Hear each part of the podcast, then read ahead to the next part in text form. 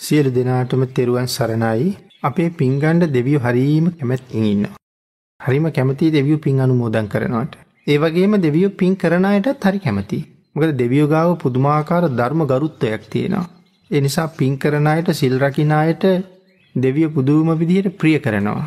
ඒ ප්‍රිය කිරීමේ එක කාරණාවක් තමයි පින් හොඳට රැස් කරන අය දෙවියන්ට පින් දෙනවා. එතකොට ඒ අයට සම්පූර්ණ පින් ලැබෙනවා. ඒ නිසාත් මිනිස්සුන්ට හරි කැමතියි. සක්‍රදේවේන්ද්‍රයන් වහන්සේ සඳහන් කරනවා මනුස්ස ලෝකෙට සිව් දිසාවටම වඳිනවා කියලා.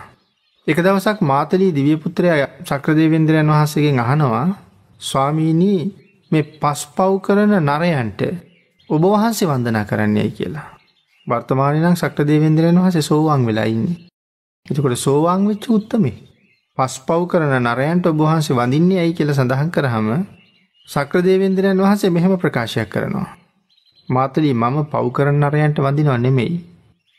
ඒ ගහට්ටා පුඤ්ඤකාරා සීලවන්තෝ උපාසකු ධම්මේන දාරං පෝසෙන්ති තං නමස්සාමි මාතලී.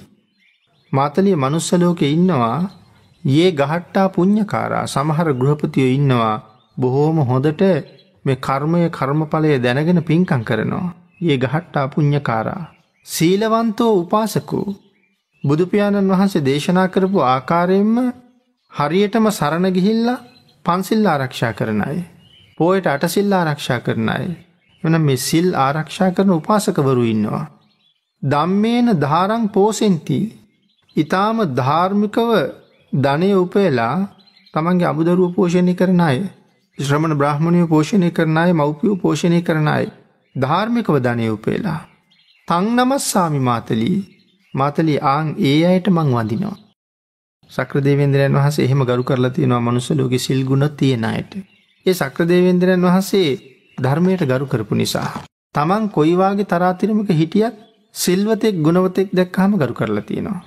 ඒ කාරණාව දෙවියන් මිනිස්සුන්ට ගරු කරනවාද කියන කාරණාව විසඳගන්න අපිට හොඳ අවස්ථාව. ඒ විතරක් නෙමෙයි භාග්‍යතුන් වහන්සේත් ධර්මයට ගරු කලාන්නේ භාග්‍යතුන් වහන්සේ කියලා කියන්නේ දේවාති දේවයි. ඒ කියන්නේ දෙවියන්ට දෙවියෙක්. බ්‍රහ්මයන්ට බ්‍රහ්මයෙක්. ඉතින් දේවාති දේව වූ බ්‍රහ්මාති බ්‍රහ්ම වූ භාග්‍යතුන් වහන්සේ ධර්මයට ගරු කළා නම් මේ දෙවිවරු ධර්මයට ගරු කරනවා සීලයට ගරු කරනවා කියන එක පිළිබඳව අපිට කතා කරන්න දෙයක් ඇත්තෙම නැහැ. නන්දක මහරහතන් වහන්සේ ධර්ම දේශනාවක් කරනවා ධර්මශාලාව ඇතුලේ. අපේ බුදුරජාණන් වහන්සේ ධර්මශාලාවට වඩින්න යනකොට දොර වහලා තිබුණේ. දොර වහලා ඇතුලේ ධර්ම දේශනාව ඇහෙනවා. මේ දේශනාව කරන්නේ භාග්‍යතුන් වහන්සේ වඩින්න තුරු. දොර ඇරලා වඩින්න තුරු දේශනාව කරන උන්වහන්සේ රැස් වෙලා ඉන රහතන් වහන්සේලා. මේ ධර්ම දේශනාව කරන්නේ රහතන් වහන්සේලාට. ඒ කියන්නේ රහතන් වහන්සේලා බණ ඇහුවා. රහත් නොවිච්ච භික්ෂුන් වහන්සේලාත් එතන හිටියා. රහතන් වහන්සේලාත් වැඩිපුර හිටියා. බුදුරජාණන් වහන්සේ දේශනාවට බාධා කරන්නේ නැහැ. දොරගාව හිටගෙන ඉන්නවා. භාග්‍යතුන් වහන්සේ නොවැඩිය නිසා ධර්ම දේශනාව එළි වෙනකම්ම කරනවා. බුදුරජාණන් වහන්සේ එළි වෙනකම්ම හිටගෙන ඉන්නවා. බණ අහනවා. ඒ කියන්නේ බුදුරජාණන් වහන්සේත් බණ අහලා. උදේ ධර්ම දේශනාව ඉවර වුණාට පස්සේ තමයි භාග්‍යතුන් වහන්සේ දොර අරින්නේ. දොරට තට්ටු කරලා දොර අරිනවා. ඒ වෙලාවේ තමයි ස්වාමින් වහන්සේලා අහන්නේ ස්වාමීනි භාග්‍යතුන් වහන්සේ කොයි වෙලාවෙ මෙතෙන්ට වැඩියද කියලා. ඒ වෙලාවේ සඳහන් කරනවා නන්දක දේශනාව පටන් ගන්නකොට තමයි මම මෙතෙන්ට වැඩියේ කියලා. ස්වාමීනි එළි වෙනකම්ම භාග්‍යතුන් වහන්සේ හිටගෙනද කියලා ඇහුවා. සඳහන් කරන නන්දක ඔබ දේශනාව කල්පයක් කලා නම් මං කල්පයම හිටගෙන ඉන්නවා කියලා. ඒ තරම් භාග්‍යතුන් වහසේ ධර්මයට ගරු කරලා තියෙනවා.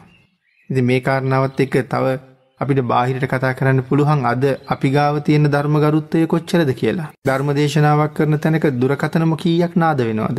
බණ අහන අයටත් බාධා කරමින් දේශනාව කරන අයටත් බාධා කරමින් ඉතින් අපි ගාව ධර්ම ගරුත්තයක් ඇත්තෙම නෑ.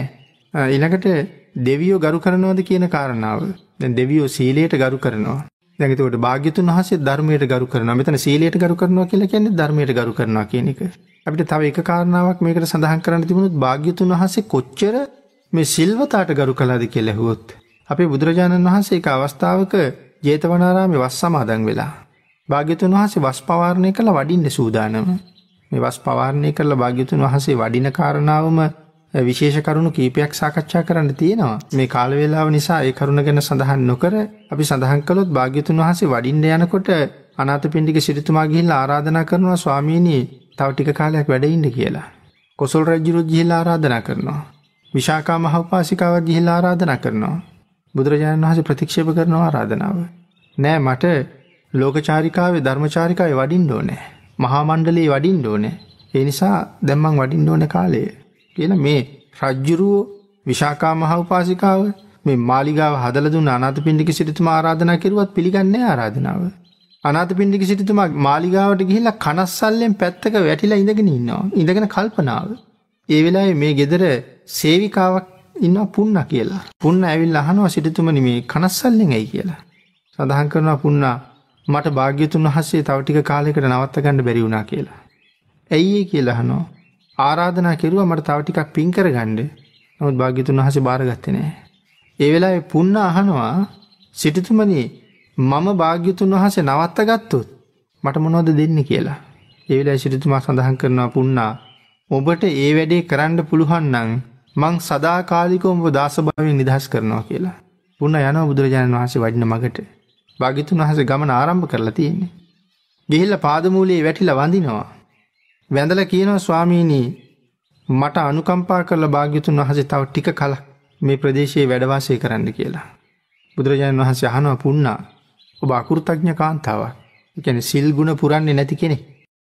තාම සරණ පිහිටලා නැති කෙනෙක්. ඉතින් මා මෙහෙ නවතින්න කියන්නේ ඔබ මොන වගේ කාරණාවක් නිසාද කියලා. ඒ වෙලාවේ සඳහන් කරනවා භාග්‍යතුන් වහන්සේ නවතිනවා නම් භාග්‍යතුන් වහන්සේ නවත්ත ගන්න ඕන නිසාම මම තෙරුවන් සරණ ගිහිල්ලා පන්සිල් ආරක්ෂා කරනවා දිවි හිමියෙන් කියලා පොරොන්දු වෙනවා. එහෙම සඳහන් කරනකොට බුදුරජාණන් වහන්සේ තුන් වතාවක් සාදුකාර පවත්වනවා. සාදුකාර පවත්වලා භාග්‍යතුන් වහන්සේ ආපහු හැරිලා විහාරයට වඩිනවා. පුන්නා තෙරුවන් සරණ ගිහිල්ලා පන්සිල් රකින්නවා කියලා පොරොන්දු වෙනවා නම් භාග්‍යතුන් වහන්සේ නතර වෙනවා. සරණ ගිහිල්ලා සිල් ආරක්ෂා කරන කෙනෙක්.